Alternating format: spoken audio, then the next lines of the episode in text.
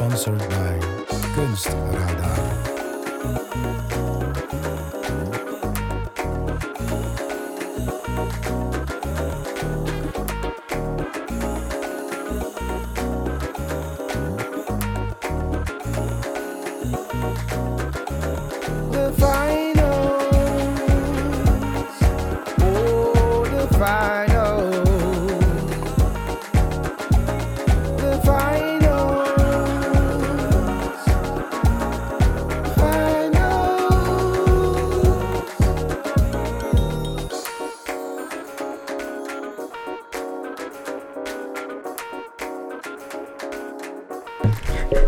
Begonnen. Welkom, welkom, welkom. Heb je er zin in, Gideon? ik moet zeggen dat de spanning wel een beetje toeslaat nu, eh, nu de, eh, toen ik op record drukte. Toen dacht ik, oeh. Ja, we, moeten zijn weer. eh, we moeten weer, inderdaad. Maar wel leuk, toch? Het is Nou, nee, zeker. het tweede is, seizoen van de is- finals. De finals. Wij mogen dit jaar graag. afstuderen. Althans, ik studeer af en Gideon die studeert volgend jaar af. Ja. Ehm, dus daarom gaan we weer alle finalskandidaten interviewen. En vandaag hebben we daar te gast Nicky en Jelle. Hi. Hallo. Hallo. Wat fijn dat jullie er zijn. Jullie hebben ook weer objecten meegenomen. Net zoals vorig jaar eh, hebben we objecten waar we aan de hand van de objecten een gesprek gaan hebben. Maar daar beginnen we niet mee. Zoals jullie misschien al weten. Daar beginnen we niet mee. We Nou, gaan... hebben jullie die van vorig jaar eigenlijk geluisterd? Ja, dat is een goede vraag. Ja, eigenlijk elke dag als het uitkwam ging ik met Larissa en Eva het in de studio luisteren. Nou, Ah, ja, oké. leuk, leuk. Maar, eh, dus, dus je weet eigenlijk wel een beetje eh, hoe het eh, in elkaar steekt. Deels, ja. ja. En Jelle niet. Voor Jelle is het een verrassing. Dan beginnen we bij Jelle.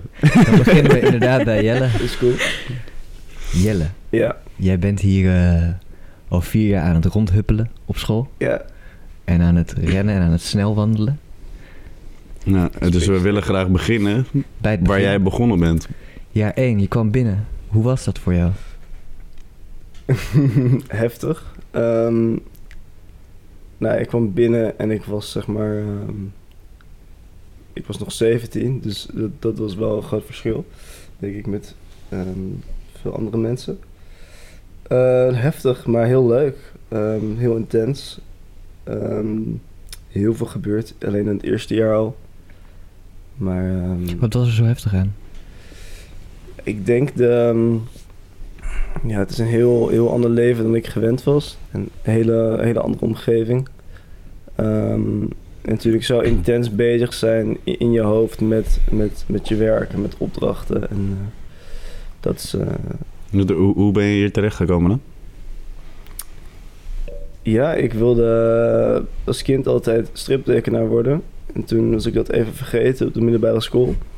En toen, ehm op de jaar of dertien, toen eh, dacht ik er ineens weer aan. En toen dacht ik van, ik ga naar de kunstacademie. En toen eh, met, met ja, handvaardigheid docenten en CKV-docenten soort over gehad. En een beetje geprobeerd mij voor te bereiden. En eh, toen kwam ik hier op de open dag. En toen was het precies wat ik zocht zonder dat ik wist dat het bestond. Dus ik ben, denk hier best wel thuis gekomen. Ja, wat Mm. prettig zeg. Want wat voor omgeving kwam je vandaan? Ehm, ja, een klein dorp. Hoe heet het? Op Hemert. Op Hemer. Op Hemert. Wat is het voor dorp? Het is wel echt een klein dorpje, want ik heb er nog nooit van gehoord. Eh, het het eh, ligt in de buurt van, van Tiel. Dat is iets bekender. Hm. Eh, het is een, ja, soort klein, een klein boerendorpje. Ik geloof zo'n 2000 inwoners. Ehm, ja, het gebeurt niet heel veel, maar het ligt langs de Waal. Wel een mooie omgeving. Veel natuur. Boten? Een van, de, een van de weinigen die naar de kunstacademie is gegaan waarschijnlijk. Ik denk de enige. Ja. Ook de enige van ehm, natuurlijk mijn hele, mijn hele leerjaar op de middelbare school, denk ik. En je, je sprak over eh, thuiskomen. Ja, Hoe, hoe merkte je dat? Hoe voelde je dat? Ja, ik denk dat je dat echt wel voelt als je, als je merkt gewoon dat alles op de juiste plek zit. En zeg maar alles in je zegt van oké, dit, dit klopt. Hier, hier, hier hoor ik in, in thuis of hier, hier voel ik me prettig bij. Wat voor werk maakte jij in de eerste? Weet je dat nog? Ja, ik begon in ieder geval met mijn, mijn toelating waren voornamelijk schetsboekjes met A5 tekeningen, met, met fineliners. Ehm, Dus daar ben ik heel erg op door gaan werken. Maar wat voor tekeningen waren dat dan? Van wa- wat tekende je? Ja, ik denk dat ik langzaam een beetje richting eh, een soort van flash sheets voor tattoos begon te werken. Eh, niet heel blij met, met wat dat toen, toen was, maar ehm, ik heb ja, in het eerste jaar denk ik heel erg mogelijkheden ontdekt. En ook vooral sculpturele mogelijkheden. Kun je daar een voorbeeld van geven? Nou, mijn mijn favoriete werk uit het eerste jaar is denk ik een... ehm, ik heb een eh, vleugels gemaakt voor een fiets. Dus ik had een normale Ah, ja. fiets waar ik dan ehm, de zijkanten houten vleugels had gemaakt van volgens mij 2,5, 3 meter in, in ehm, breed. En dan had het soort van zo'n soort van kitesurf dak erbovenop. En daar heb ik een film over gemaakt dat ik heel serieus een, een heuvel af ging rijden. En het met een poging om eh, te gaan vliegen. Ja, dat klinkt echt mooi. En dat is natuurlijk niet gelukt. Nou, dat was ook wel een van de, een van de grootste werken volgens mij eh, van, van, de eerste, van de eerste klas toen. Ja, ja. En toen, en toen de tweede. Heb je dus in de eerste materiaalmogelijkheden ontdekt vanuit die tekeningen. Was, die, was dat, die fiets, was dat idee ook vanuit die tekeningen ontstaan toen? Oeh, dat weet ik eigenlijk niet meer. Waarschijnlijk wel, ja. Het, het afgelopen jaar is bijna alles vanuit tekeningen ontstaan. Ja. Dus ik vermoed eh, van wel. Ik weet ook niet meer wat de opdracht was waar die fiets uitgekomen is. ja. Ehm, Ik vind het wel een heel mooi eh, verhaal. Ik zou het wel willen zien. Eigenlijk die fiets. Ik krijg er meteen hebt hele mooie gezien beelden natuurlijk. Ja, ja. in mijn hoofd eh, bij als ik dat zo hoor. En, de- en toen de, de tweede, is er toen iets eh, veranderd? Want in de tweede word je natuurlijk zo van losgelaten. Gaan we Ja, doen. precies. Dan mag je opeens je eigen pad gaan kiezen. ja, ja. Wat gebeurde er bij jou? Eh, ja, natuurlijk mensenvrijheid. En ehm, nee, dat is geweldig. Dat is eigenlijk waarvoor je hier komt, denk ik, om je studiopraktijk te, te ontwikkelen. Ehm, ja, ik begon heel erg gewoon met, met tekenen weer. Het was ehm, eind de eerste begon ik tekeningen met inkt te maken, wat me heel erg vrijheid gaf, omdat ik niet zo die, dat, dat kon controleren. En eh, het werd veel groter en een stuk misschien expressiever. Meer energie zat erin. Dus ik heb heel veel van die tekeningen gemaakt. Ik denk een paar honderd. En ik bleef gewoon constant tekenen. En op een gegeven moment zijn er dus andere ideeën uitgekomen voor. Ik probeerde ook schilderijen te maken in het begin. Ehm, voor sculpturen en voor andere werken. Dus het, is- het is heel erg daaruit voorgebeduurd uit die tekeningen. Ehm, ja, en ik denk dat ik ja, heel erg nog meer mogelijkheden heb ontdekt. Hoe heeft dat zich ontwikkeld in de derde? En toen is het een beetje samengekomen langzaam. Ehm, ik was heel erg op zoek naar een soort van... Ik had een ideaalbeeld in mijn hoofd van... eh, eh, verschillende materialen in één werk gecombineerd. Een soort van 2D, maar dan ook 3D. En het is heel erg samengekomen in eh, een paar werken die ik toen heb gemaakt. Toen dacht ik van oké, nu heb ik iets. Ehm, toen later is performance daarbij gekomen ook nog. En zijn de, denk ik de sculpturen steeds serieuzer geworden. Ehm, ja, dat leidt me tot... werk Ik wil één, werk wil ik je nog wel even over horen trouwens. Ja. Wij hebben samen toen de projectweek met projectweken met eh Feiko Ja, eh, Bekkers gehad. Ja. Toen eh, ben je uit een vaas gesprongen. ja, Kan je daar iets over vertellen? Ja, dat was eigenlijk eh het eerste... Misschien, misschien eerst het beeld schetsen ook. Want de- alleen maar een vaas springen klinkt een beetje... Ja. eh, Ja, dat was het eigenlijk ook. Het was een eh, vaas van ongeveer 1,50 meter hoog en ik denk 90 breed. Van eh, voornamelijk piepschuim en gips. Dus in drie delen gemaakt. En tijdens dat projectfestival ehm, zat ik in die vaas. En toen, ehm, toen heb ik een verhaal voorgelezen. En de, de toeschouwer die kon mij niet, kon me niet zien, maar die hoorde, ja, ik denk maar meer mompelen vanuit de vaas. Ehm, en er waren een paar mensen die zo nieuwsgierig kwamen kijken ook. Het was net op het verkeerde moment, want aan het eind van mijn verhaal ehm, ben ik dwars door die vaas heen gesprongen of gebroken. Ehm, en toen lag je daar zo in het puin, in de scherven van de vaas. Toevallig sprong ik half bovenop iemand. Omdat ik dat niet, niet kon zien. Maar eh, dat is waar performance voor mij begonnen is. Ja. Is dat performatieve, is dat er bij jou ingebleven daarna? Stukjes. Want het klinkt alsof je met die fiets eigenlijk ook al bezig was Mm. met een soort performance. Want het idee is best wel ja, bijna ludiek of zo, een beetje grappig. Ja. Een fiets met houten vleugels. En dan vervolgens ga je er heel serieus ja. eh, mee om. Nee, ik, Ja. het, kli- het klinkt voor mij ook inderdaad alsof jij je, je- het, het verhaal van je sculpturale werk af probeert te maken met een performance. Dus je wil, hem niet, eh, je wil niet vertellen aan ons wat, er- wat, wat er gebeurt in het werk, maar je wil het laten zien of zoiets. Hmm. is, dat, is dat iets wat je, wat je voelt dat het af is als er een performatieve handeling bij gepaard gaat? Of? Niet zozeer, maar ik merk wel dat ik geneigd ben om dat toe te voegen. Omdat die, die actie en die beweging is natuurlijk heel spannend. Maar ik begin ook steeds meer te realiseren dat het soms juist sterker is om het niet te doen. Om die suggestie te geven. Maar dat is iets waarvan ik nog de balans probeer te vinden. Ja. Waar ben je dan naar op zoek? Suggestie, zei je net. Ja, ik denk dat het... ehm, Ja, die suggestie is dat denk ik wat ik zoek. Ja, de suggestie dat die, die actie gebeurd is of kan gebeuren. En ehm, de spanning die daar, daaruit voorkomt, denk ik. De, de laatste vraag die ik heb voordat we doorgaan naar Nicky is... ehm, je zei, je gaf aan dat eh, al die dingen komen voort, al die performances, al die werken komen voort uit tekeningen uiteindelijk. W- Wanneer besluit je nou wanneer een tekening goed genoeg is om een werk van te maken? Draaien ze allemaal om dat ene idee heen? Of zijn het allemaal losse ideetjes en daar kies je er één van? Hoe werkt dat precies?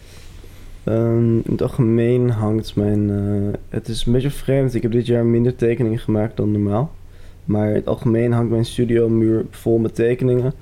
En ik teken heel associatief. En eh, dingen gaan constant op elkaar door. En dan maak je één tekening van een fase. En dan maak je er nog vijf van een fase op een andere manier. Ehm, en ik heb eigenlijk allemaal een aantal van die fascinaties. Of van die onderwerpen die dan op de muur hangen. En op een gegeven moment dan klikt dat. dat het past precies in elkaar. En dan vormt er een, een, een, beeld uit. En de combinatie is van twee dingen op een goede manier. Ehm, en dan is heel erg de urgentie om het te maken. Ik, je voelt heel, ik voel zelf heel erg van nu klopt het, nu, nu is het goed. Dat is Ehm, mooi. Het is heel intuïtief eigenlijk, eh, komt dat tot stand. Ja, Ik heb ook het gevoel bij jou in ieder geval dat, dat, eh, dat jij... Jij kan eh, aan mij een tekening laten zien van een maan... en jij ziet daar zo'n verhaal achter, wat, Mm. wat niemand anders ziet.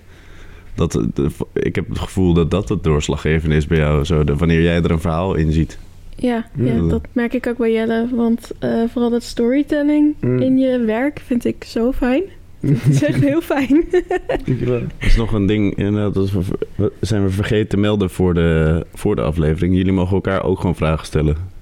Dus eh, wees gewoon eh, open daarin. Oké. Ja. Ja. Als, laatste, als allerlaatste zou ik nog even de, de luisteraar een verhaal willen vertellen eh, over Jelle. Ik, ik woon nu samen met Jelle en ik vind dat heel mooi. Jelle die heeft gewoon, hij, hij dropte net het woord obsessie. En dat vind ik wel een heel mooi woord bij Jelle. Jelle heeft, ehm, dus dat weet ik nog, in de tweede, als hij een deur zag of een raam, dan kon hij daar een uur over lullen. En overal, overal waar ik kwam met Jelle, of overal waar we gingen waar we gingen chillen of zo. Dan was het, oh, een deur, daar kan ik dit en dit mee doen. Omdat hij dan een obsessie met deuren had. Of met vloeren. En dan zei hij, oh, wat een mooie vloer. En dan overal ging hij de vloer bekijken. En dat neemt gewoon over. Het is zo mooi. Ja. Dat is echt, eh, echt zo gepassioneerd ook. En ook dat jij zo altijd super laat op school zit. Dat is echt, eh, Ja, Ja. dat is wel een dingetje dat denk ik ook wel bekend is bij, ja, ja. bij Jelle. Ja, Laat zijn. ja, ja. Dat, dat ook. Ik wil ook even melden dat we, dat we Jelle hier vandaag stipt op tijd zat. Ja. Ja. Ja. Het was een, eh, het was een wonder. Maar het is gebeurd. En we zijn Dat trots. zouden we niet melden eigenlijk. Nou, dat maakt niet uit. dus eh, hij kan het wel. Maar goed, we hebben nog een tweede gast. We hebben nog een tweede gast. Nicky, Hi, welkom. dank je. Eh, aan jou dezelfde vraag. Eh, je huppelt, snel wandelt, rent, eh shokt, loopt achteruit hier al vier, vier jaar rond. Eh, hoe is het eerste jaar voor jou geweest? Weet je dat nog? Ja, het eerste jaar was bij mij vrij moeizaam. Ja. Ehm, ik had twee, ook twee, bij allebei mijn schouwen had ik een redo. Ja. Ehm, nou, ik kwam hier op mijn 21ste binnen. Ik had eerst een mbo gedaan. Welk mbo heb je gedaan? Eh, ja, restauratie, eh, schilder. Hm. En daarbij imitatietechniek als specialisme. Mhm. Ehm, dus ik kwam hier eigenlijk als schilder. Ja. eh, ben ik nog steeds, deels. Ja. Maar in de eerste was ik daar wel echt mee bezig. En ik had heel veel moeite om aan dat conceptuele en niet echt opdrachtgevende... Ja, dat was vooral ook in de tweede, te wennen. Dus ik, ik had het wel moeilijk. Maar ik denk dat het, eh, het eerste jaar... Ja, als ik daaraan terugdenk, het, het beste werk wat ik heb gemaakt in het eerste... dan kom ik wel echt op de redo van mijn laatste schouw. Hm. Waar ik wel wat losser ben gegaan. Waar ik schilderijen heb gemaakt eh, die meer abstract, ja, abstract waren. Ehm, en ik had volgens mij ook ballen opgehangen in de, ja, uit het plafond. Waar dan eh Tjevang en Marcel doorheen moesten lopen. Dat En- zijn onze, onze leraren. Ja, de soort van examencommissie, toch? Van Ja. onze- Ja. Ja. Want eh, je was eh, restaurateur, toch? Zo weer met z'n oude schilderij. Heb je ook echt eh, dingen in musea mogen aanpakken N- toen en nee, zo? want dat mag je nog niet officieel. be-. Behalve als je een master hebt gedaan. Ah, dus ja. echt als je een master hebt afgerond, dan mag je in een museum werken. Hm. Maar wel panelen bijvoorbeeld voor een eh, attractiepark. Of ja, wat, wat, wat simpelere dingen. Want ja, de switch van opdrachtgever naar, naar autonoom werk was voor jou dus daarin vrij... eh, Nee, het- ja, ik, ik snap wel wat, wat ze zegt. Zo van eh, restauratie, dan, dan werk je als het ware verder aan iemand anders werk. Dus Ja. als je dan eh, ineens uit jezelf moet beginnen, Dat is dat, is, moeilijk. dat, is, dat is een lastige, ja. Was dat- Maar is het, eh, is het dan vanuit de tweede gezien zo wel gelukt? Ehm, ik denk dat die doorslag eigenlijk een beetje is gebeurd in de derde. Hm. Dus tweede, dat, dat was een heel onderzoek eigenlijk wat ik wil als kunstenaar. Hm. waar ik mee wil werken. Omdat ik natuurlijk wel een. Ja, je hebt net obsessie ook al gezegd bij Jelle voor iets. Ik, ik heb echt een obsessie voor eh, materiaal, pigmenten, eh, technieken waarmee ik werk. Omdat ik zo erg. eh, ja, ik heb geleerd met specifieke technieken te werken. En dat vind ik ook gewoon interessant. Hoe Wat mensen voor ook. technieken? hout- en marmerimitatie bijvoorbeeld. Wat Maar houdt dat in? Ehm, ja, dat zijn de technieken om hout na te maken met verf. Hm. Of marmer na te maken met verf. Hoe werkt dat?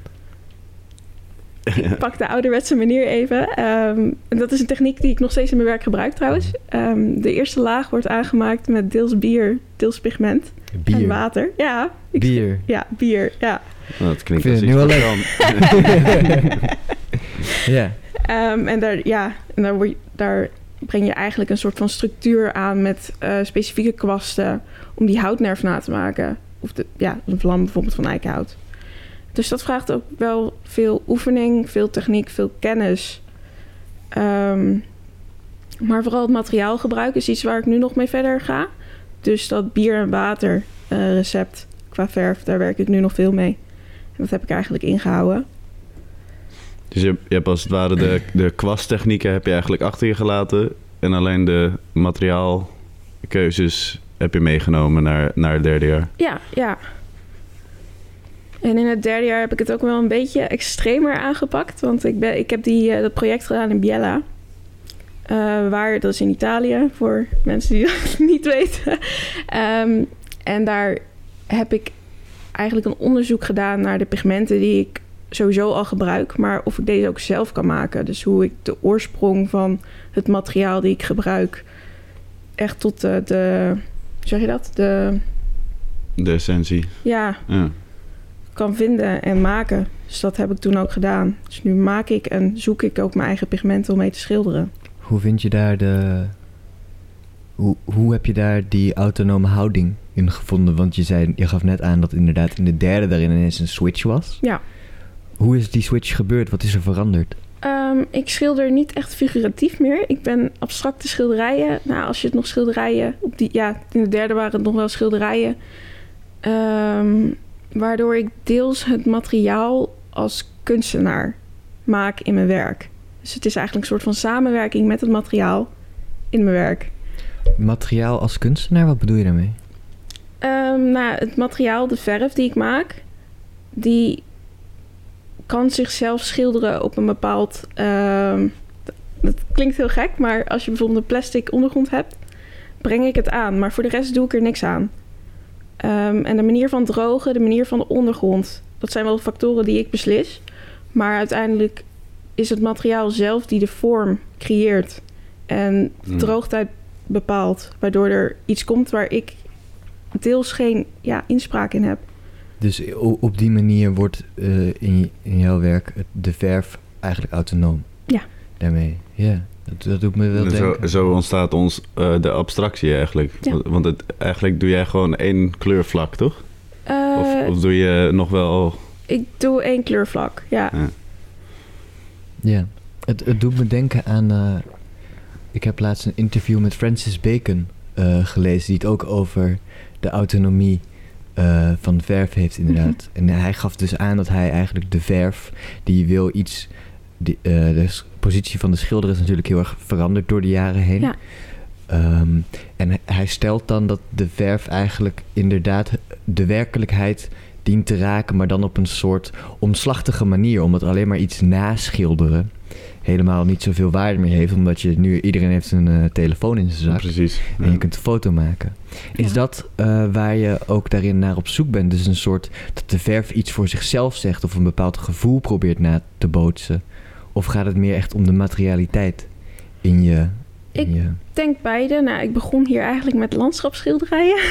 ja. Dat is ook een grote fascinatie voor mij. Maar daarna ben ik steeds abstracter gaan werken. En dat is met name de, de obsessie, zou ik het niet noemen. Maar ik denk de, de liefde voor het materiaal. En het willen weten hoe het in elkaar zit. Dus ehm, voor mij is het dus ook de eigenschappen van dat materiaal. Ik wil weten hoe het werkt. Dus de nieuwsgierigheid naar hoe iets in elkaar zit. Wat, eh, want landschapsschilderijen, wat vind je mooi? Wie vind je goed? Als je, welk landschap zie jij en denkt van, dit is hem? Nou, ik heb niet specifieke werken of zo, maar het is gewoon dat ik het zelf fijn vind om een lan- landschap na te schilderen. Wat doet dat met jou als je daar zit in zo'n landschap? Hoe Eh, ga je te werk? Ge- ge- Zit je dan ook echt in het landschap of heb je, heb je een foto? vroeger wel. Ik heb het al een hele lange tijd niet meer gedaan. Maar eh, vroeger ging ik echt in het landschap zitten, kijken. Ik woon natuurlijk ja, in een dorp nog steeds. En we hebben vlag, vak bij het eh vliegtuigmuseum, ja, militair museum heet het tegenwoordig. En dan ga ik dan zitten en dan naschilderen. Hoe, hoe gebeurt dat? Verandert daardoor, is het je kijk op de wereld erdoor ook veranderd? Ehm, ik denk dat ik juist weer meer op die details of zo ga letten. Dat ik eh, sowieso kleur, dat ik eh, heel erg op let. Maar ook dat ik bijvoorbeeld kijk naar een boom en dat boomschors zie dat er afvalt. En dat ik dat dan eigenlijk een beetje ook wil hebben of zo, die kleur. En dat ben ik tegenwoordig ook weer aan het fijnmalen tot pigment. Dus je, Hm. je bent echt gefocust op kleur en als je iets ziet en je denkt dat is een mooie kleur, dan Ja. neem je het gewoon mee. Ja, is wel, ik heb ook een hele collectie aan eh, pigmenten uit Italië. Dus wel grappig hoe je eh, dan een, een so- soort van kleine obsessie hebt met zo'n boomschors wat van een boom afvalt. En bij jouw werk, eh, wat ik ken, eh, valt de, de verf van het doek Klopt. af. Als, alsof het dat boomschors is. ja, Is, dat, eh, is die link expres of is dat hoe... eh, Nou, die link is niet zozeer expres. Het is meer dat ik die, eh, nou, dat materiaal dat ik gebruik, de limieten wil testen daarvan. Ehm, en ook wil uitzoeken hoe kan je zoiets bewaren. En als dat uit elkaar valt, ja, dan, dan heeft dat werk, ja, dan bestaat dat gewoon niet meer. Voelt het als een eh, gevecht? Als je zegt, eh, ik wil de limiet van het materiaal testen, hoe is die verhouding daartoe voor jou? Het voelt niet als een gevecht, het voelt meer als een soort van, ja, ehm, uitzoeken hoe iets langer kan blijven bestaan. Dus meer een, een soort van, ja, Dat is een hele... Ik vind het een mooie brug om eh, te gaan naar eh, Jelle. Want die heeft een hele eh, rare manier gevonden om werk te conserveren. Nou, ik zou eerst, ik zou eerst nog even iets over willen zeggen, denk ik. En daarna kunnen we wel door naar Jelle. Ik vind het heel mooi dat je dat zegt, dat je zegt van... ehm, ik, ik wil dat langer behouden, want dan eigenlijk heb je zo de vluchtigheid van zo'n moment van zo'n boomschors. En dan zeg je, ik wil de schoonheid deelachtig maken met, met de mensen die dit zien. Ik wil het gevoel van die boomschors erin. Maar ik geef, ik geef alleen maar de suggestie. Ik geef alleen maar de suggestie van de kleur die daarin zit. En als jij dan aangeeft vervolgens dat het dus ook van het doek afdruipt, omdat de, dan op de een of andere manier onbedoeld komt het toch wel ergens eh, samen. Dat is wel echt heel mooi.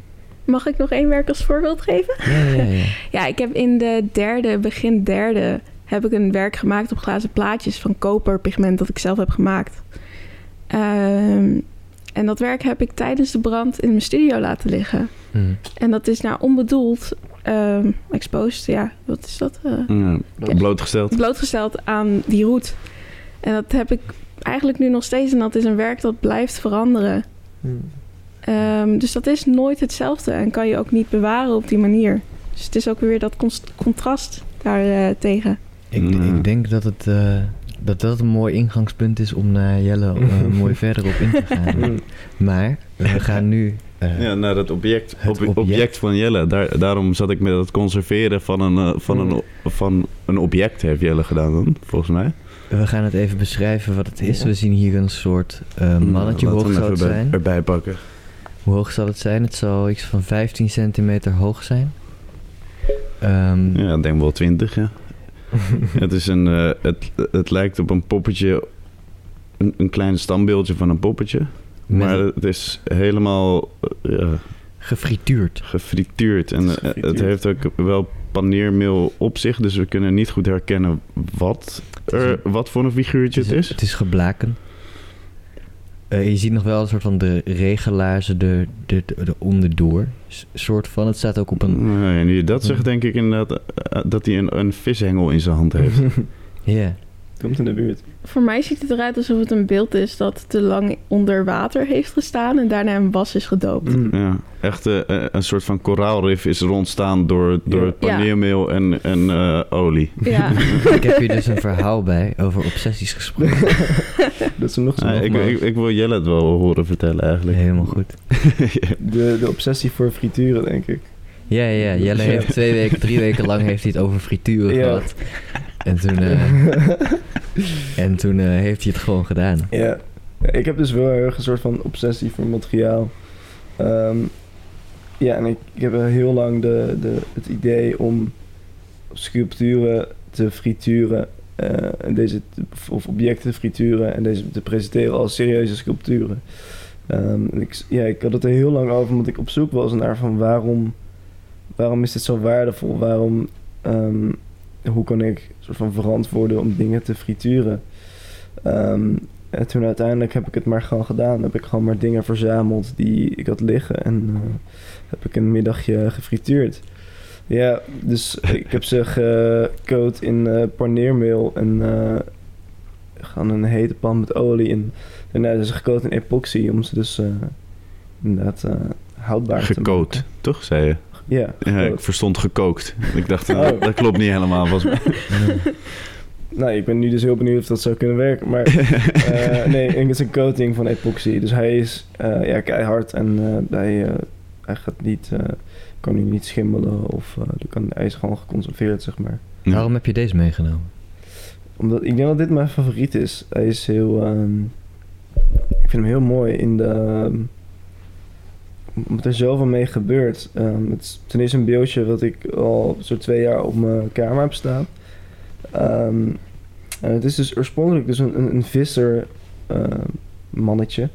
En ik merk dat heel veel mensen zien er een soldaat in. Omdat hij heeft dus een soort van net vast. Maar omdat ik hem ehm, in twee helften heb gefrituurd. En de tweede keer op zijn kop is dat net zeg maar eh, krom gegaan. Waardoor nu lijkt op een soort pistool, maar ook op een soort hengel. Hmm.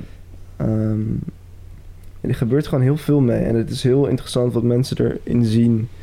Ehm, maar het is dus een, ja, een eh, vissertje met, met laarsjes en een baard. En, Je, hebt hem eigenlijk geabstraheerd door te frituren. Had je, had je verwacht dat het er zo uit ging zien? ik had niet helemaal verwacht dat het zo goed zou werken. Ehm, ik had het wel kunnen verwachten achteraf.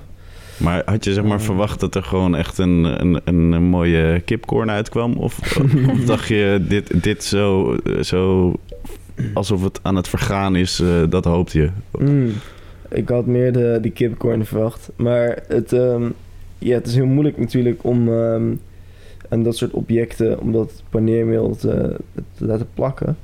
Dus het, ehm, ik heb heel erg mijn best gedaan. Het heel vaak gekookt in zo'n zo'n mixje van... eh dus het melk, ei en eh, bloem werkt heel goed. Maar dat, dat gaat dan rijzen en heel erg vervormen.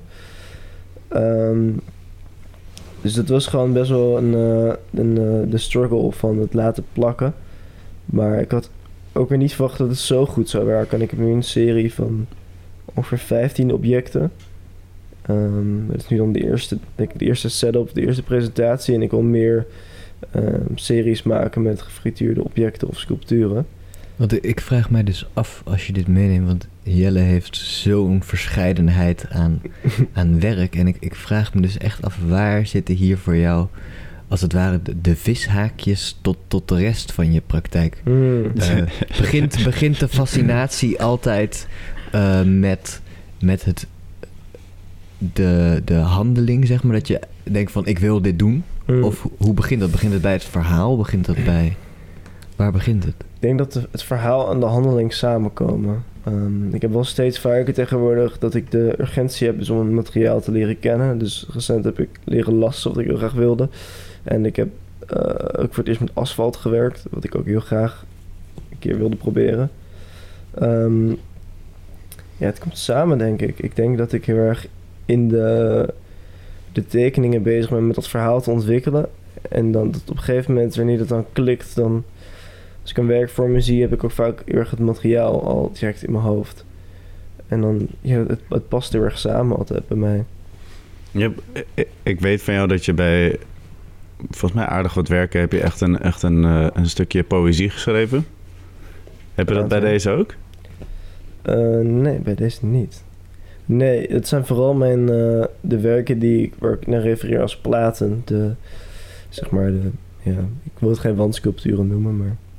ehm, nee, niet Ja. bij deze, maar deze is nog heel, hij is heel recent. Dus het, het kan nog komen. Ja. En die, die suggestie naar het publiek toe. Je, vindt, je vond het interessant dat mensen er allemaal in, eh, in zien.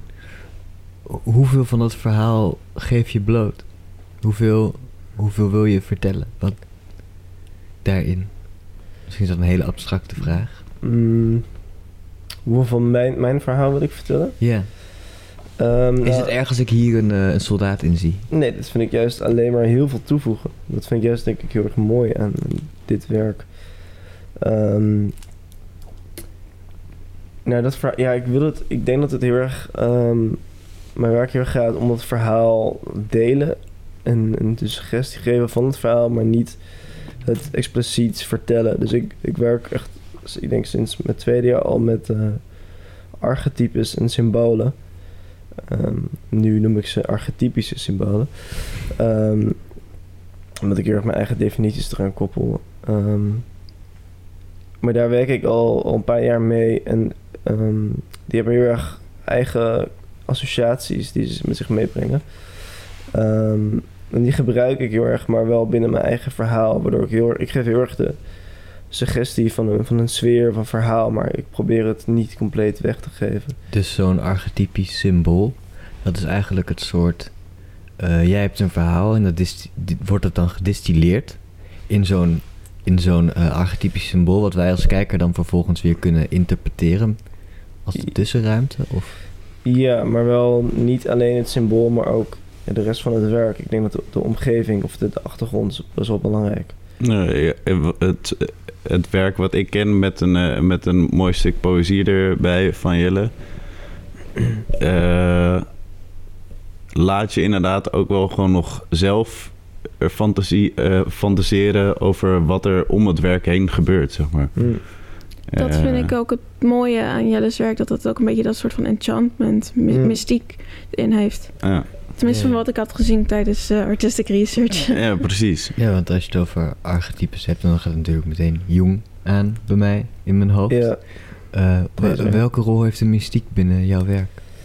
Mm, ik denk dat het wel ehm, een hele belangrijke rol heeft. Maar ik denk dat ik meer een soort van de... heel gefocust ben op de aftakking daarvan. Zeg maar de, de verwondering.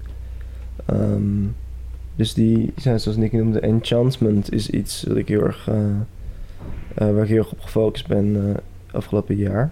ja, in het Nederlands dan betovering, maar ik vind die, die term nooit echt voldoende om het uit te drukken. Maar de, ik ben heel erg gefocust geweest op de, de enchantment, de verwondering voor het alledaagse. Daar ben ik gek momenteel. Om dat naartoe. teweeg te brengen of om, bij, om jezelf daarin te situationeren? Allebei, eigenlijk. Ehm, mezelf erin te ehm, situeren en dus dat ook op te roepen bij de, bij de toeschouwer. Dus ik ben heel gefocust op soort die... Het is bijna inzoomen op die kleine momenten van alledaagse verwondering. eh, en die delen met de toeschouwer. Ja, ik weet dat je het ook een hele tijd hebt gehad over, volgens mij, re-enchantment, toch? Zo van, zeg maar, de magie terugbrengen in voorwerpen. Ja. ja, waar ik heel erg ja, oorspronkelijk vanuit kom, is het eh, existentialisme. En eh, dat heeft heel erg geleid tot vervreemding van de werkelijkheid en, en dat soort dingen. En ehm, op een gegeven moment heb ik de, de, de, switch gemaakt, dus naar eh, proberen opnieuw die betovering te vinden, opnieuw die magie en het te helen, zoals ik het noemde. Dus het ging eerst heel erg over gevonden materiaal, ehm, het verhaal van gevonden materiaal vertellen en het op die manier nieuw leven geven en, en daarbij helen. Eh, nu ben ik dus langzaam, dan ga ik meer focussen op eh, alledaagse verwondering. Hoe heel jij in een frituurpan? Dit is misschien wel de beste vraag van het ja. Ja, ik, ik heb vaker die vraag gekregen, ja, van je hebt het over helen, maar ik zie allemaal een soort van referenties naar martelen of, of dat soort... Ja, vergaan, vergaan of zo, ja. Ja. Ja, die, die zwaarte, bijvoorbeeld een sculptuur van een hele grote steen, wat bijna zijn eigen gewicht niet kan dragen. Of- Sisyphus. Sisyphus. Eh, ja, dat is ook belangrijk, ja. Ja, die vind ik heel mooi. Ehm, kettingen en dat soort dingen. Ehm, nou, ik denk dat het heel belangrijk is om ehm, die zwaarte van het bestaan, het gewicht ervan niet te negeren, maar juist ehm, te delen en het erover te hebben. Ik denk dat je Is niet het zwaar? het, het bestaan. Ja. Nou ja, ja vanuit mijn, mijn zeg maar nog ongeveer existentiële hoofd zie ik het bestaan wel als, als iets ehm, in ieder geval wat veel gewicht met zich mee kan brengen. Ken ja. je de, de term de ondraaglijke lichtheid van het bestaan? Hmm. Ja, wel gehoord. Volgens mij is dat ook een titel van een boek. Ja, ja, ja, dat is van... Dat is een Nederlandse schrijver ook. Ik heb hem volgens mij wel eens eh, Dus kom heel gelezen. Maar dat, dat Maar- vraag ik mij dus eh, af, want de zwaarte van het bestaan. Maar als ik, als ik naar jouw werk kijk, en vaak wat ik in de tekeningen zie, zijn eigenlijk constructies die iets zouden moeten doen, maar het net niet werken. Zeg maar, het, het Hmm. werk, het, het- er zit een soort kwinkslag in, in de werking. Een dynamiek die zou moeten werken. Maar, en een voorbeeld daarvan is dan die fiets, waar we het eerder over hebben gehad. En Ik heb laatst ook tekeningen eh, van jou gezien met een, met een soort luchtballon. Waarin dan allemaal eh, dingen het aan de grond hielden. Of een windmolen. Ja, een tekening van een windmolen die dan eigenlijk helemaal niks echt aandrijft. Maar dat wel heel erg probeert. Ehm, Ja. Dus als je het over die zwaarte hebt. Hoe verhoudt dat zich tot, tot die... Ja, ni- niet falen, maar gewoon een beetje die kwinkslag. Hoe zit dat daarin? Ik denk dat eh, ja, die, in zo'n, is een soort van dualiteit die heel eh, belangrijk is in mijn werk, ja. Ja, ik weet het niet. Het, het, het, ik zie het bestaan dus nog wel als echt een gewichtig iets. Ja, ik denk dat mijn werk hier ook heel erg gaat over van iets trachten te doen, maar erin, erin falen of zo. En ik, ik denk dat dat... dat ehm, ja, ik weet niet, ik vind het een hele mooie metafoor voor het leven of zo. Het is heel, heel erg... Ik, ik, ik herken mezelf er in ieder geval heel erg in. Het is heel erg ehm, trachten iets te bereiken, maar eigenlijk is het ook weer gewoon compleet zinloos uiteindelijk. Dat, dat Welke rol echt, speelt eh, die, eh, die verwondering daarin? Mm, ik denk dat die verwondering belangrijk is om het ehm, draagbaar te maken. Ehm, dus ik, ik, ik refereerde eerst naar als een soort van copingmechanisme om echt om te gaan met die zwaarte. Eh, nu heb ik heel erg een soort van een houding van me focussen op die verwondering. Ehm, omdat ik nu realiseer dat dat toch overal om ons heen een soort van kleine stukjes magie zitten. En dat wil ik delen. ehm, zeg maar. ehm, ja, ik heb een recent een mooie tekst geschreven daarover. Het gaat heel erg dus uiteindelijk, uiteindelijk met die, die zinloosheid. Met van, ja, we gaan... ehm, zijn eigenlijk allemaal maar gewoon maar, aan het fluiten eh, in het gezicht van de dood. Om het even te vertalen. Het, het is allemaal heel erg zinloos. Maar wat ik, wat ik kan bieden met mijn praktijk is een... ehm, ik kan je misschien een handje geven of ik kan je begeleiden. En eh, misschien eh, fijne muziek om te luisteren onderweg. Dat is heel erg... eh, De schoonheid zit altijd al in de poging. Ik vind, ik vind dat wij echt eh, tot nu toe de lastigste vragen aan Jelle hebben gesteld eh, sinds onze podcast. Ik, ik, merk, ik merk dat hij, hij beantwoordt, beantwoordt ze wel heel goed. ik heb af en toe, er komen af en toe vragen bij ons op dat ik denk, oeh, Hoe heel je uit een frituurpan? ja, precies. Ja, ja, maar de- juist, ik denk dat omdat Jelle zo veelzijdig is in, nou, het- de, de sculpturen die zijn er en er wordt een suggestie gewekt natuurlijk, maar er zit zoveel in die werken. Want Jelle geeft ons een symbool en daar halen we dan van alles en nog wat uit en er zit zoveel in dat ik het wel van belang vind om dat, e- om dat zo even goed te, te ontpakken, als het ware. Alsof je Ja, voor- Sint- Sinterklaas cadeautje krijgt, heel groot pakketje en er zit eigenlijk vier cadeautjes in. Weet je wel? mm. Dat is een beetje... ja, zo zou ik Jelle's werk willen. Surprise. Ja, gewoon dat je één hele grote doos, een doos in een doos in een doos in een doos in een doos. Hmm. Nou, uiteindelijk krijg je een, oh, krijg je een Walkman met een mooi muziekje voor onderweg. Ja. Mooi. Ja. Wauw. Ja, Ja. want ik vind het... Zullen we doorgaan naar de Nicky object- Ja, want... eh, objecten, moeten we zeggen. Laten we eerst het eh, object beschrijven. Als, als, als jij het even zou willen pakken. Of iemand even over de tafel zou willen reiken. Zo, Dat is één. goed. Oh, dat is wel zwaar, nee. Heb je twee? Het Het boek? Het zijn er twee dingen. Ah. Ja, het potje, het potje is het belangrijkste. Het potje is het belangrijkste. Maar ze liggen er allebei. Ze Zullen we, er zullen allebei. we voor nu het potje... eh, we kunnen wel even de titel van het boek... We hebben een boek vast. Een blauw boek van M- Messi. Niet de voetballer. Zo schrijf je dat Zou het niet. zijn? Robert Messi. Je schrijft het M-A-S-S-E-Y. En het heet... Formulas, formulas for painters. Zeg ik, dat- spreek dat goed uit? Formulas for Painters. Formulas. Formulas for Painters. En het zijn zo te zien 200 technieken om verf te maken en andere dingen. Een hele waslijst met dingen die je ermee mediums, kan eh, maken. Fictief. En we een hebben hele hier hoop dingen. Een, een, een potje, een glazen potje. Ehm, ik denk van iets van eh, groentes of zo geweest eerst. Ehm, en dat is leeggehaald en er zit nu een soort poeder in. Een Een beetje een zandkleurig een beetje poeder. zandkleurig poeder. En er staat op... eh, ik, flowers, four years old. Grained to pigment. En er staat dan 20% eh chalk, 5% gele gelatin, 1 liter water. 18 september 2020, 12 oktober 2020, 10 november 2020. En dan tijden naast de datum.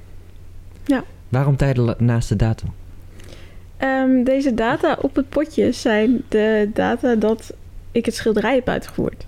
Ja. Hmm. Dus dit is ooit drie keer een schilderij geweest. En uit elkaar gevallen. En toen heb ik het weer in een potje gedaan. En nou ja, de wat mo- moeilijkere delen weer fijn gemaald tot pigment. Dus het is eh, ja, drie keer een schilderij geweest. En zodra je er water bij voegt, dus dat 1 liter water, dan eh, kan ik het weer als een schilderij maken. Dit is eigenlijk mijn manier. Het is een ook een werk.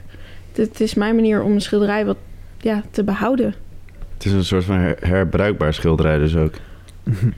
Ja, nou ja, meer een, een soort van cyclus van het schilderij. Een leven van het schilderij. Omdat dat uit elkaar valt en weer, nou ja, dan op dat moment niet meer bestaat.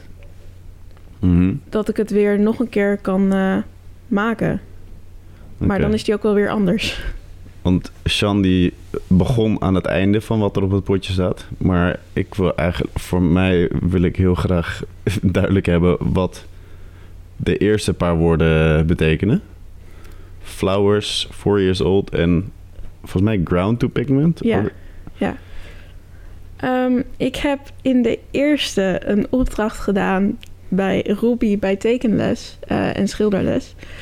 Ehm, dat ik ging schilderen met de textuur van bloemen. Ehm, die heb ik laten drogen. En eh, vier jaar later heb ik ze fijn gemalen tot pigment. Hm. De bloemen gedroogd, fijn gemalen, ja? Ja, Dus de bloemen zijn vier jaar oud. ja, Ground to pigment, ja. Daar heb je dan nog kalk, gelatine en water aan toegevoegd. krijt, eh, Krijt. Krijt. Chalk is krijt, gelatine en water. Ja, Alright. Wat ik, wat ik mij afvraag. ehm, we hadden het net over dus die, die schors van die boom. Ja. Die je er dan afhaalt en eh, langer zou willen delen. Dus deelachtig maken met de kijker. En dan vervolgens ga je wel die schilderijen de hele tijd kapot maken of afbreken om er weer... nou, ik maak het zelf niet echt kapot. Hoe gebeurt dat dan? Nou, zodra ik een schilderij van mij op de muur hang, ligt het eigenlijk al op de grond. Ehm, dat komt omdat ik het op plastic maak of glas en dat hecht eigenlijk niet. Mhm. Is dat Ehm, belangrijk? Nou, dat is meer dat, dat, dat uittesten waar ik het eerst ook over had. Dat uittesten van het pigment. Zijn grenzen eigenlijk bezoeken, eh, uittesten. Ehm, en nou ja, het toch willen. Het, het, het willen doen. Ook al weet ik dat het toch niet gaat lukken. Ja, want je hebt, we hebben nu een receptenboek en een soort van mislukt recept eigenlijk dan, toch? Ik zou het niet Of is dit recept wel uit het receptenboek? Het recept is niet uit het receptenboek. Ehm, maar het is wel inspiratie daarvan. nee, dit is een ehm, recept dat. Ja. ehm, Het is gewoon, eh, is het, de- ja, eh, het recept van het potje is tot stand gekomen door gewoon te experimenteren. ja, Oké. ja, en nou, ik had dit schilderij dus toen ik hier mijn studio had voor een tijdje. Ehm, heb ik het gemaakt, maar ik kreeg het niet uit de deur, want het was best wel groot. En het moest terug naar OK26, dus het andere gebouw waar ik mijn studio zou hebben. Ehm, maar ja, hoe ga je dat vervoeren als je weet dat je werk toch wel uit elkaar valt zodra je het ophangt? En toen is eigenlijk mijn praktijk eh, 180 graden een beetje omgedraaid. Hoe is die draai geweest? Ehm, nou, ik moest het verplaatsen, dus hoe verplaats je zoiets? En Wat anders wegwaait met de wind. wegwaait met de wind, op de grond valt en je werk weg is, terwijl je nog wel een beoordeling hebt waar je het werk moet laten zien. Dus toen heb ik het in een potje gedaan om het toch naar OK26 te verplaatsen. En toen, bij mij is, toen is eigenlijk bij mij de vraag opgekomen van ja, hoe, wat is eigenlijk conservatie voor mij? Ehm, en voor mij, dat is ook duidelijk, ja, duidelijk geweest tijdens artistic research, dat het werk niet dezelfde staat, eh, dus dezelfde vorm zou moeten hebben. Ehm, maar dat zodra het hetzelfde materiaal is, en dat maakt niet uit welke staat, dat dat nog wel het werk is. Ik vind het heel... eh, dit doet mij echt denken aan... Ik, ik heb laatst ingelezen in eh, Japanse cultuur. En ehm, daar beschreef Henk Oosterling... Dat is een filosoof die ik nu aan het lezen ben... beschreef de oudste tempel van Japan. Daar ging hij naar op bezoek. En eh, toen hij daar kwam... was het eigenlijk een heel nieuw gebouw. Het is gewoon helemaal nieuw. Wat blijkt... De oudste tempel van Japan wordt om juist die herhaling de schoonheid te geven, wordt die om de x aantal jaar wordt die dus compleet afgebroken en dan weer herbouwd. Hmm. Ehm, vet toch? Dat is heel vet. Ja. En ik, ik vraag mij af, als, als je dit dan opnieuw en opnieuw en opnieuw doet en iedere keer een soort van faalt, zeg je, om het te... Nou, ik zou het niet falen noemen, want het is gewoon het leven van dat pigment, van die, van die verf, van dat Hmm. schilderij. Dus het is een soort van cyclus dat eh, door middel van mijn, mijn hulp eh, ja, rond blijft. Zou je dan zeggen dat dat... eh, dat je telkens hetzelfde werk maakt? Nee, Nee? maar ook weer ja. Want Kun je nee, dat toelichten? het ziet er nooit hetzelfde uit. Maar wat ik net al zei, van ja, voor mij is conservatie dat het niet dezelfde staat hoeft te zijn, dus dezelfde vorm hoeft te hebben. Ehm, dus het is hetzelfde werk, maar het ziet er niet hetze- hetzelfde uit. Ja, dat is ook weer waar, waar de verf zelf het werk, werk maakt ook, toch? Zo, Ja. Het brokkelt steeds anders af. Dat bedoel je? Ja. Ja. Want kijk, ik heb ook een documentaire vanuit deze fascinatie. Ik, ik heb een documentaire gekeken dat heet eh Who's Afraid. Mag ik dat zeggen? Op Ja, ja. Oké, Who's Afraid of Red, Yellow and Blue? Eh, ja, de The End of Fear. Dat gaat over dat schilderij van Bart Newman. En dat is in het Stedelijk Museum eh, kapot gemaakt. Eh, ik weet niet of jullie dat hebben meegekregen. Ja, ja. Ja, oké. Ehm, en daarna is dat geconserveerd, gerestaureerd door Daniel Goldreyer.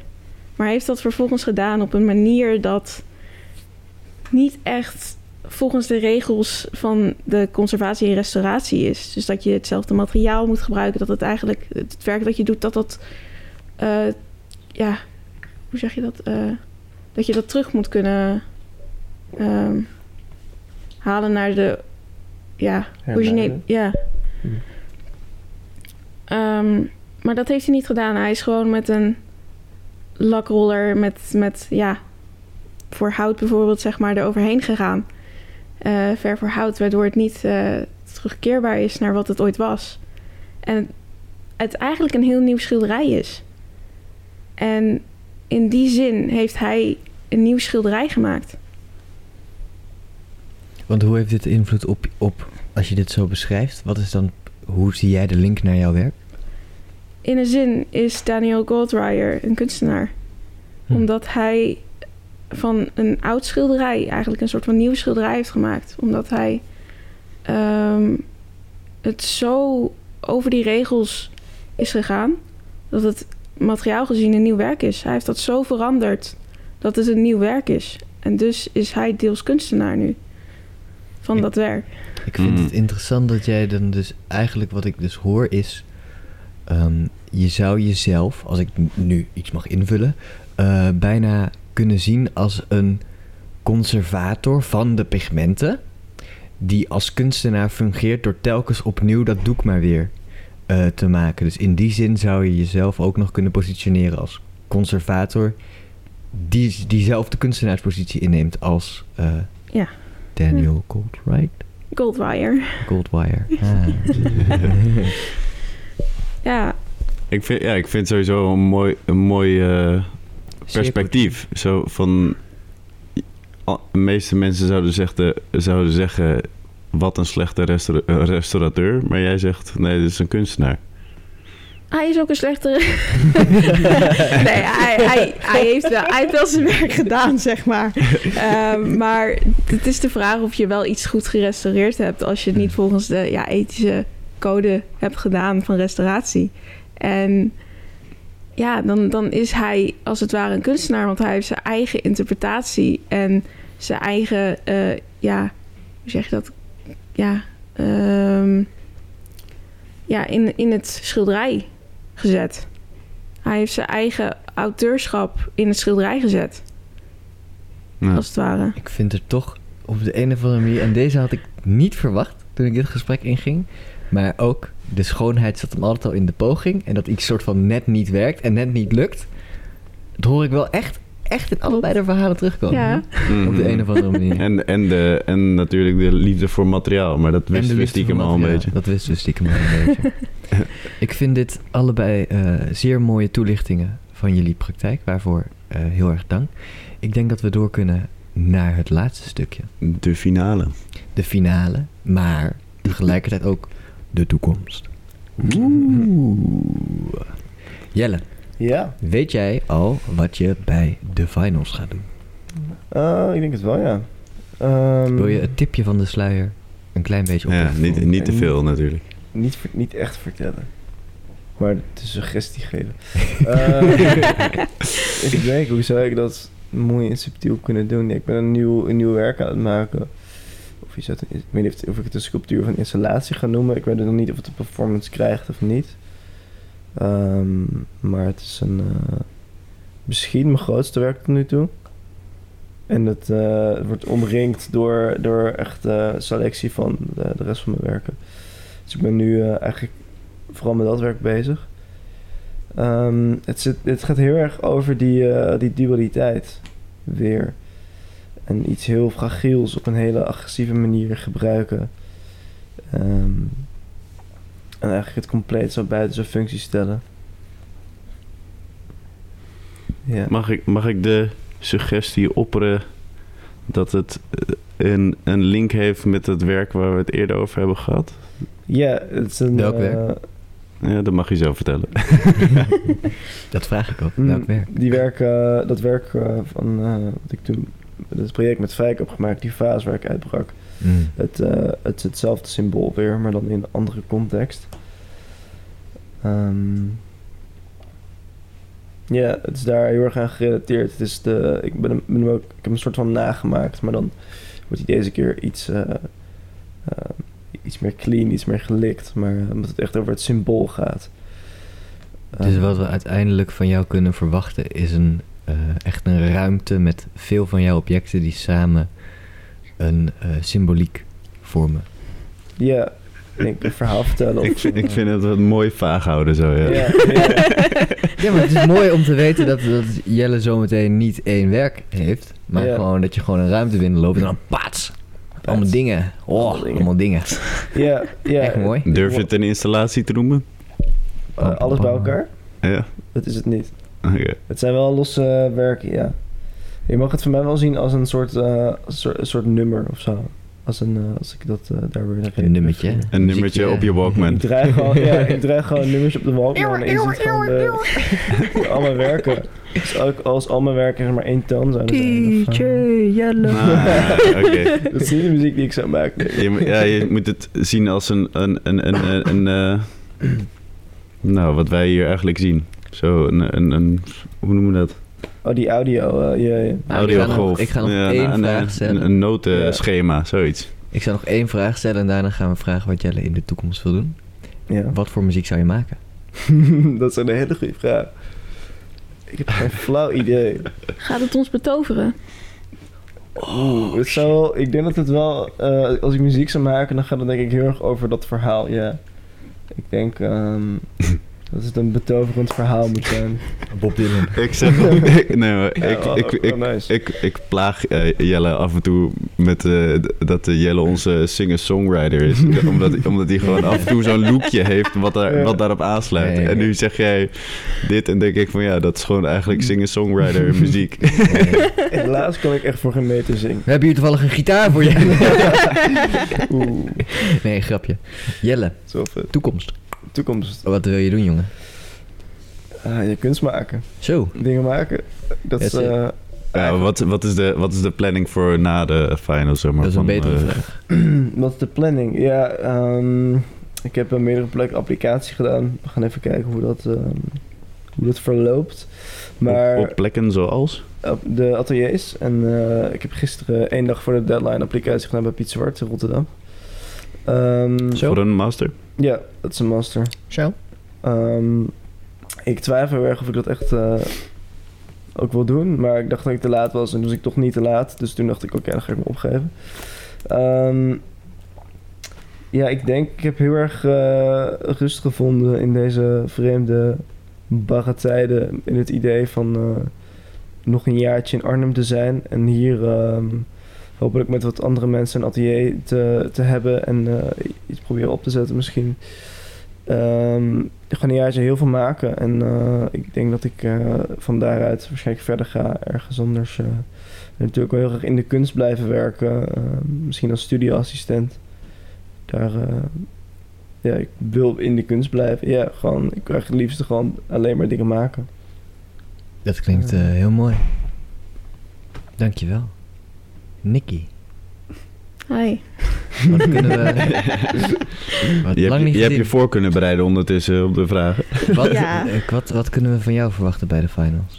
Bij de finals. ehm, ik wil de toeschouwer een beetje in mijn eh praktijk niet, ja, niet trekken, maar wel ehm, laten Verwelkomen. ja, verwelkomen.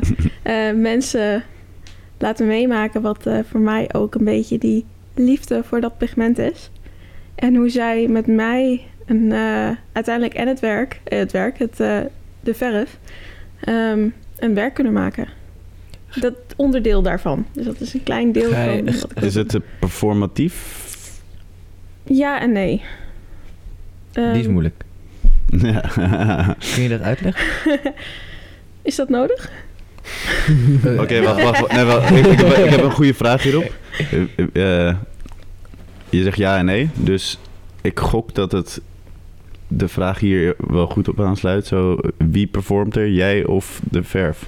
De verf. Oké. Ja. Fair enough. Dat is een, eh, ook een mooi tipje van de sluier, denk ik zo. En als laatste, als aller, aller, aller, allerlaatste, De toekomst. de toekomst.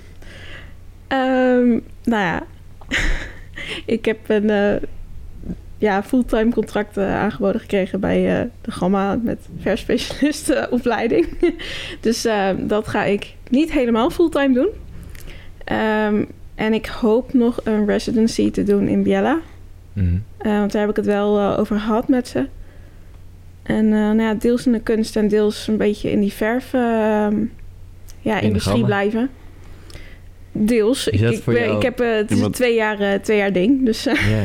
ja, wat, je, je, je benoemt de gamma zo. Dus dat heeft, het is, sluit natuurlijk ook wel ergens aan. Maar wat, wat zou je daar... Wat, wat, wat houdt de functie in? ehm, nou, verfspecialist. Dus mensen advies geven over nou, wat ze op hun muren moeten smeren. Ook kleur, qua wat voor kleuren ze op hun muren willen. Of in de ja, oké. meubels. Maar het is niet dat je daar mag eh, experimenteren op je eigen manier. Of, eh, Nee. Ik dacht, dacht, misschien sluit het goed aan op je praktijk of zo. Maar... Nee, het houdt me puur in de kennis van de verf nu, omdat het zo hard aan het veranderen is. Hmm. Het Ehm, lijkt bijna alsof jij je leven in dienst stelt van verf. bijna wel. Ja. Ehm, en daarna, na- omdat het natuurlijk voor twee jaar is, hoop ik eigenlijk nog een master te doen. Ehm, of in conservatie en restauratie, zodat ik uiteindelijk wel in musea kan werken. Of in traditional, traditional art in Londen, ehm, waar ik ja, die oude technieken van schilderen kan leren. Toch weer terug naar de landschappen. Nee, want het is niet, niet echt landschappen. Eh Het is echt ja, een beetje weer terug naar dat ambacht. Klinkt mooi. Ja, wel cool. Ik denk dat ik jullie allebei eh, hartelijk wil bedanken. Ja, we, hebben, komst. we hebben een mooi uurtje erop zitten. We hebben een mooi uurtje voorgepraat. Ik eh, vind dat jullie heel mooi en goed eh, antwoord hebben gegeven op al onze ingewikkelde vragen. Ja, fijn gesprek ook. Zeker.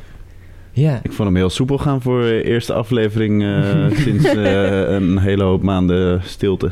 ja. Ja, zeker waar. Ja, alhoewel we natuurlijk niet zeker weten of het de eerste aflevering is in de, die we erin gaan zetten. Ja, Daar moeten we het nog over hebben. Maar goed. Hartstikke Dank jullie wel. Dank jullie wel, lieve luisteraars, als je er nog bent. Oh, succes bij de finals. Dat moet je nog zeggen. succes bij de finals. Maar ook, we moeten nog eventjes een momentje geven om ze... Willen ze zichzelf pluggen? Oh. Zijn jullie ergens te vinden? Kun je, heb je Instagram, Facebook, LinkedIn? Nou, je kent me Postduif. maar eh postduif, oh, dat is een goeie. Ik ben nu met duiven bezig. Ehm, ik heb eh, Instagram. Het is, eh, momenteel is het uh, Brokkelbroek. Dus daar kun je me vinden. Eh, Voor al uw misschien- We zijn sowieso begonnen met hey, Jelle en Nicky. Misschien moeten ze überhaupt gewoon nog even hun achternaam noemen. Dat is wel een goede, goede plug genoeg, lijkt mij. Van Kuilenburg. A.k.a. Brokkelbroek. Hey, Nicky van den Brul. En eh, zo heet ook mijn eh, Instagram die ik net nieuw heb aangemaakt. S.O. maar je mag ook een postduif sturen, dat zou ik erg waarderen. Nee, Ik wil mijn adres ook pluggen. laten we dat even achterwege Oh. laten. Jelle. Jelle, Jelle zijn nieuwe obsessie kwam even omhoog. is wel zo. Adressen. Postduif. Nee, top. Ja. We- ik, ik weet genoeg. Ik weet ook genoeg. Succes bij de finals jullie twee. Yes. Dank En dank jullie wel. Sponsored by Kunstradar.